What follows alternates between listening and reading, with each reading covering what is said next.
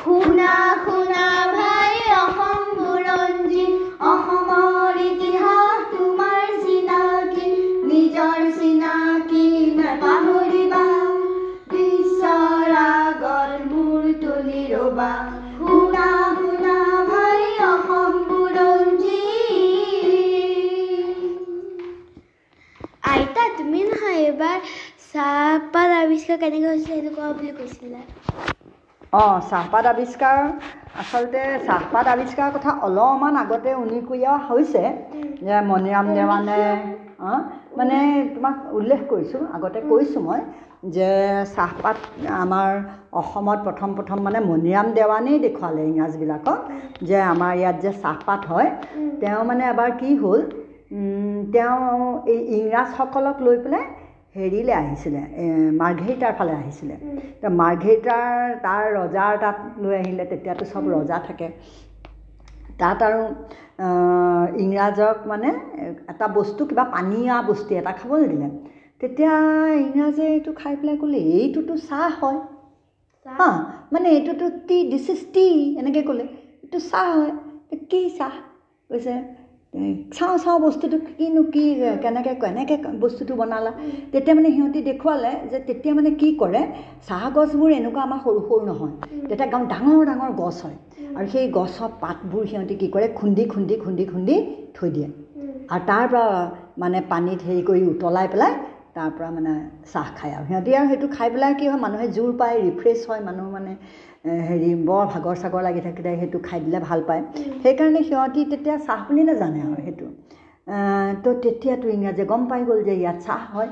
তেতিয়াৰ পৰাই মানে চাহ এইটো ইংৰাজে কি কৰিলে চাহপাতৰ খেতিটো ইয়াত কৰিবৰ কাৰণে।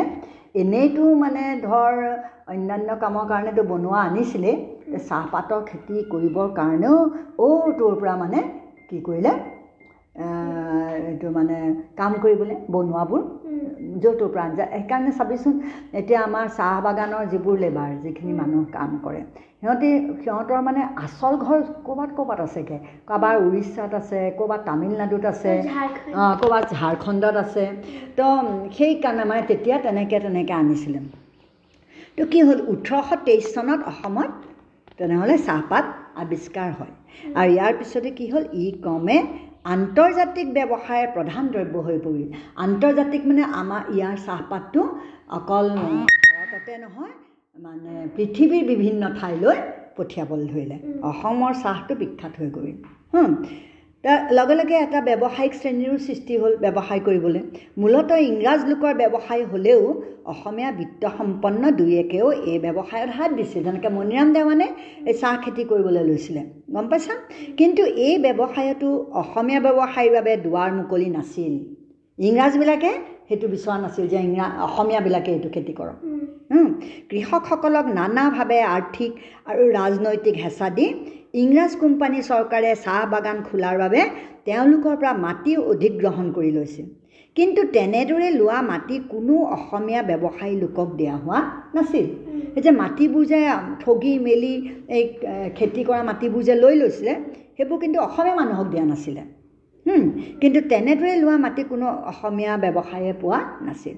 মণিৰাম দেৱানৰ বিষয়ে উল্লেখ কৰোঁতে এই বিষয়ে আলোচনা কৰি অহা হৈছে যে ইতিমধ্যে বেংক আৰু অন্যান্য ব্যৱসায়সমূহত বঙালী আৰু মাৰোৱাৰী দুটা শ্ৰেণীয়ে সোমাই যোৱাত শিক্ষিত মধ্যবিত্ত আৰু কৃষক সকলোৰে মাজতে চৰকাৰ বিৰোধী মনোভাৱ এটাই গ্ৰহ লৈ উঠিছিল। তেতিয়া এই ব্যৱসায় শ্ৰেণীটোৰ ইংৰাজৰ বাহিৰেও কোনে বেছিকৈ ব্যৱসায় ইয়াত অসমত কৰিছিলে?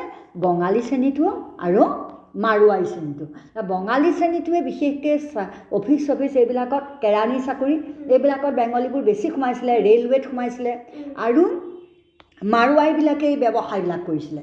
যিমানবোৰ মানে ধৰা গেলামালৰ দোকান এইবোৰ চব তেতিয়া অসমীয়া মানুহ নহয় চব মাৰোৱাৰী মানুহবিলাকে কৰিছিলে। আৰু এতিয়াও তুমি চাবা যে মাৰোৱাৰী মানুহৰ ব্যৱসায়টো বেছি আছে। ঠিক এনেকৈ কি হ'ল? এই যে মানুহবোৰ বাহিৰৰ পৰা আহিলে এনেকৈ জনসংখ্যাৰ বৃদ্ধি হ'ব নাই? হ'ব। আমাৰ অসমীয়াবিলাকেতো পোৱা নাই অন্যবিলাকে কৰি আছে ন? তো ওঠৰশ চৌসত্তৰ চনত ফেব্ৰুৱাৰী মাহত পাহাৰীয়া জিলাকেইখন সহ অসমক এখন প্ৰদেশ হিচাপে গঠন কৰা হ'ল আৰু ইয়াৰ শাসনৰ দায়িত্বভাৰ এজন চিফ কমিশ্যনাৰৰ হাতলৈ অনা হ'ল। তো ইংৰাজবিলাকে কি কৰিলে? আমাৰ পাহাৰীয়া ঠাই পাহাৰীয়া ৰাজ্য মেঘালয় চেঘালয় মণিপুৰ সকলোবোৰ মিলাই পেলাই এখন মানে অসম প্ৰদেশ এখন কৰি পেলালে। হা আৰু সেই তাৰ এজন চিফ কমিশ্যনাৰ থাকিলে। আৰু এই নতুন প্ৰদেশখনৰ ৰাজধানী স্থাপন কৰা হ'ল শ্বিলঙত। এতিয়া অসমৰ ৰাজধানী বহুত দিনলৈকে শ্বিলঙতে আছিলে গম পাইছা? আমিও অসমৰ ৰাজধানী শ্বিলং পাইছিলোঁগৈ আগতে অসম শ্বিলং পঢ়োঁ আমি। এতিয়া আমাৰ দিনতেই কি কৰিলে দিছপুৰলৈ আনিলে। বৰ্তমানৰ বাংলাদেশৰ অন্তৰ্গত চিলেট জিলাক চৰকাৰী শাসনৰ সুবিধাৰ্থে অসমৰ লগত সংযুক্ত কৰা হ'ল। আৰু ইয়াৰ ফলস্বৰূপে অসমৰ জনসংখ্যা বৃদ্ধি পালে। বাংলাদেশৰ চিলেটখনো লৈ আহিলে আমাৰ অসমত। তেতিয়া গোটেই বাংলাদেশীবোৰো ইয়াতে সোমাই গ'ল। অঁ ইয়াৰ ৰাজ্যত যেতিয়া হেৰি হ'ল। তেতিয়া জনসংখ্যা বৃদ্ধি অসমত বাংলাদেশৰ এখন ৰাজ্য অঁ আছে। তো তাৰ মানে চিলেট ৰাজ্যখন অসমৰ লগত লগ লগাই দিলত কি হ'ল? অসমৰ জনসংখ্যা বৃদ্ধি হৈ গ'ল। আৰু অসমীয়া শিক্ষিত মধ্যবিত্ত শ্ৰেণীটোৱে বঙালী মধ্যবিত্ত শ্ৰেণীটোৰ লগত চাকৰিৰ ক্ষেত্ৰত আৰু অধিক কঠিন প্ৰতিযোগিতাৰ সন্মুখীন হ'ব লগা হয়। ইয়াৰ আগতে উল্লেখ কৰা হৈছে যে ইংৰাজ চৰকাৰে পূৰ্বৰে পৰাই বঙালী শিক্ষিত শ্ৰেণীটোক অসমৰ বিভিন্ন চাকৰিত মকৰল কৰিছিল।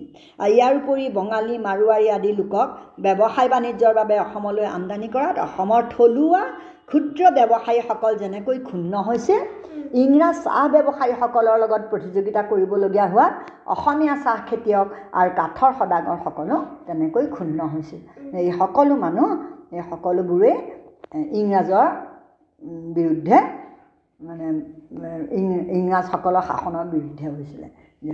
তেওঁলোকে সা সুবিধা একো পোৱা নাছিলে। তো ইংৰাজ শাসনৰ অধীনত আৰু এটা কথা আমাৰ অসমীয়া শিক্ষিত মানুহে চাইছিলে যে যিহেতু বঙালী মানুহ এতিয়া চোৱা কাছাৰ চিলেটখনো আহিলে তা সেইটো চাইডে এতিয়াও এতিয়া বৰাক উপত্যকা বঙালী ভাষাহে তাহাঁতৰ সিহঁতিতো অসমীয়াত কথা নকয়েই চব বঙালী হয়। আমাৰ যিটো শিলচৰ আমাৰ যিটো বৰাক ভেলী অসমৰ দুখন ভেলী নহয় উপত্যকা দুখন আছে অসম ব্ৰহ্মপুত্ৰ উপত্যকা আৰু বৰাক উপত্যকা। এতিয়া বৰাক উপত্যকাৰ মানুহ গোটেইখিনি বেংগলী হয়। তাৰ অঁ কাৰণ আৰু তাৰ বাংলাদেশী মানুহ বেছি আছে। তো কি হ'ল এই কি কি হ'ল তেতিয়া মানে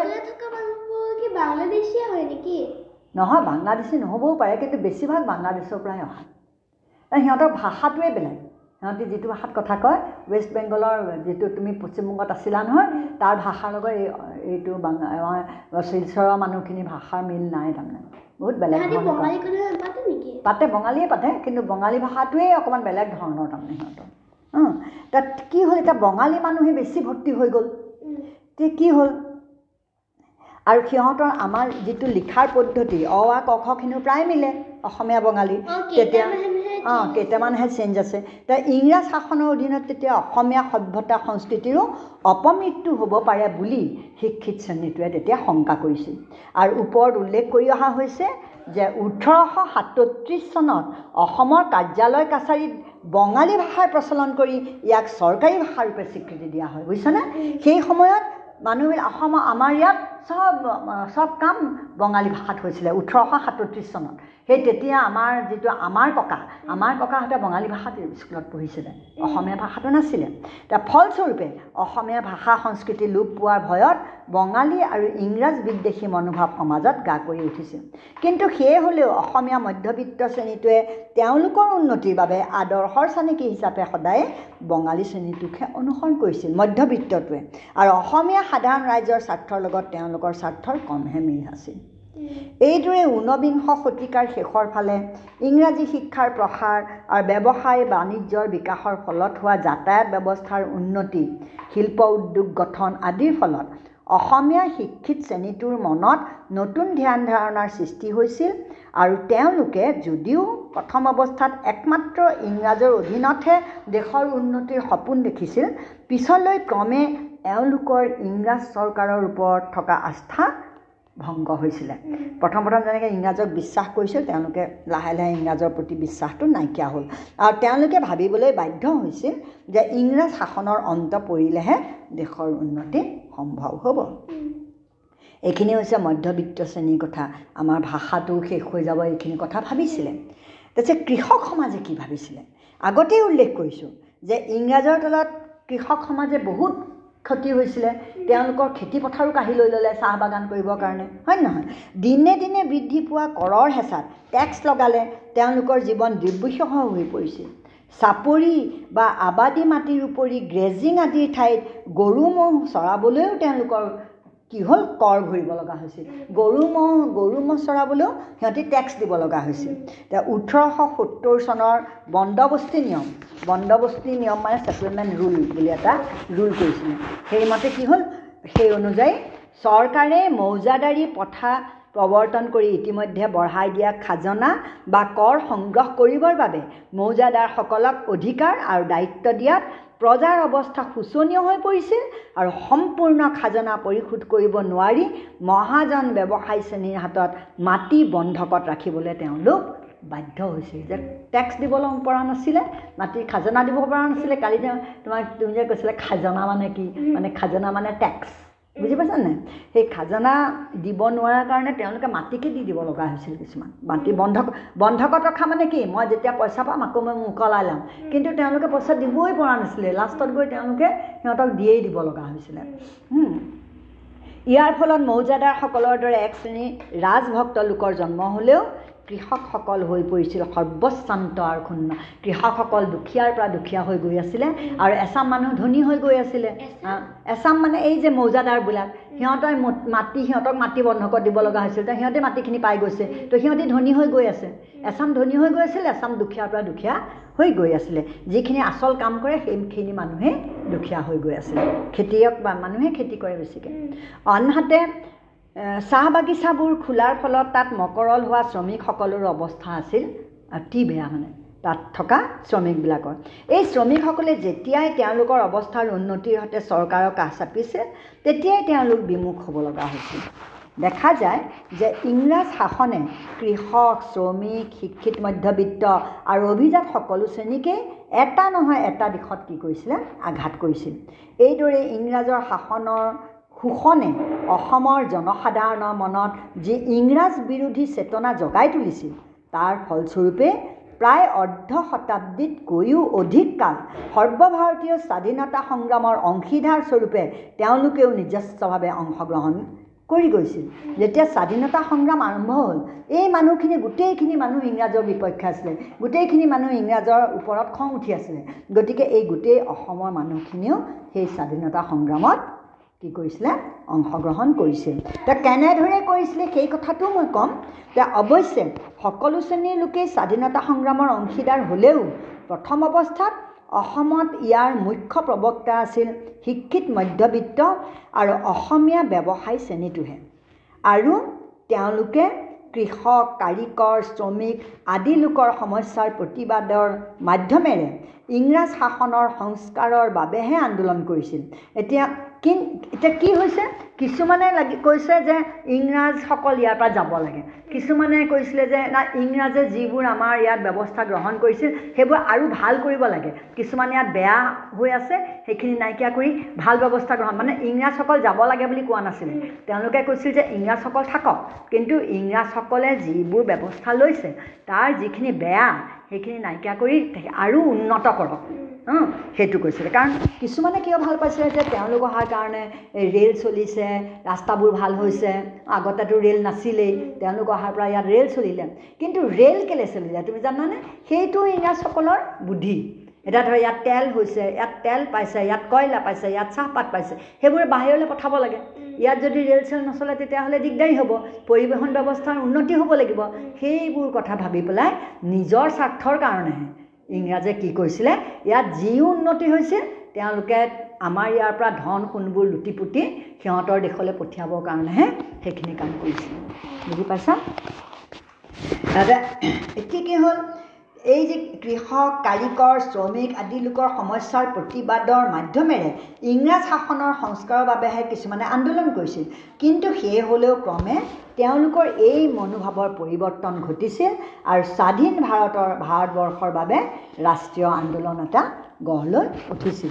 এতিয়া এতিয়া তুমি বুজি পাইছা নাই? প্ৰথম প্ৰথম সিহঁতিতো কৈছিলে যে এইবোৰ ভাল কৰিব লাগে কিন্তু পিছত সিহঁতি বুজি পালে না এই মানুহ এই ইংৰাজসকলে আচলতে কি কৰিছে যে আমাৰ ইয়াত সিহঁতি কেনেকুৱা কাম কৰে চোৱা আমাৰ ইয়াৰ ৰ মেটেৰিয়েল আমাৰ ইয়াৰ ধৰা কপাহ। তুমিতো জানা কটনৰ পৰা সূতা হয় হা? সিহঁতে কি কৰে কপাহখিনি ক'লে পঠাই দিয়ে সিহঁতৰ ঠাইলৈ পঠাই দিয়ে আমাৰ ইয়াত কম দামত কিনি লয়। কম দামত কিনি পেলাই কপাহখিনি সিহঁতৰ। অঁ নহয় সিহঁতৰ ৰাজ্যলৈ পঠাই দিয়ে। তাৰপিছতে তাত কি হ'ল ধুনীয়াকৈ তাত মেচিনত ধুনীয়া ধুনীয়া কাপোৰ বনায়। কাপোৰ বনাই সেই কাপোৰবোৰ বেছি দামত আমাৰ ইয়াতে বেচে। কপাহখিনি ক'ৰ পৰা লৈছিলে? আমাৰ ইয়াৰ পৰা লৈছিলে। লৈ পেলাই আকৌ কাপোৰখিনি কাক বেচিলে? আমাকে। বেচিলে। তো আমাকে আমাৰ পৰাতো পইচাটো আমাকতো দিওঁতে অকণমান দিলে। কিন্তু যেতিয়া বেচিলে তাতকৈ দুগুণ দুগুণতকৈও দুগুণ কৰি পেলাই সিহঁতে বেচিলে। তাৰপিছতে সেই তেনেকৈ এনেকৈ কি হ'ল তেতিয়া গম পাই গ'ল যে আচলতে সিহঁতি ভালৰ কাৰণে কৰা নাই। তেতিয়া যিসকলে ইংৰাজসকলক সমৰ্থন কৰিছিল সেইসকলেও লাহে লাহে কি কৰিলে ইংৰাজৰ বিৰোধী হৈ গ'ল। আৰু কি কৰিলে? ইংৰাজ বিৰোধী হৈ পেলাই তেওঁলোকেও এই স্বাধীনতা আন্দোলনত ভাগ ল'লে। আৰু প্ৰথম প্ৰথমতে চিধাই ভাগ ল'ব নোৱাৰে। প্ৰথম প্ৰথম তেওঁলোকে সভা সমিতি আদি পাতি পেলাই সেইখিনি কথাও মই অহাবাৰ কেনেকৈ স্বাধীনতা সংগ্ৰাম আৰম্ভ হ'ল সেই কথাটো আমি ক'ম। গতিকে আমি এতিয়া কি কৰিম?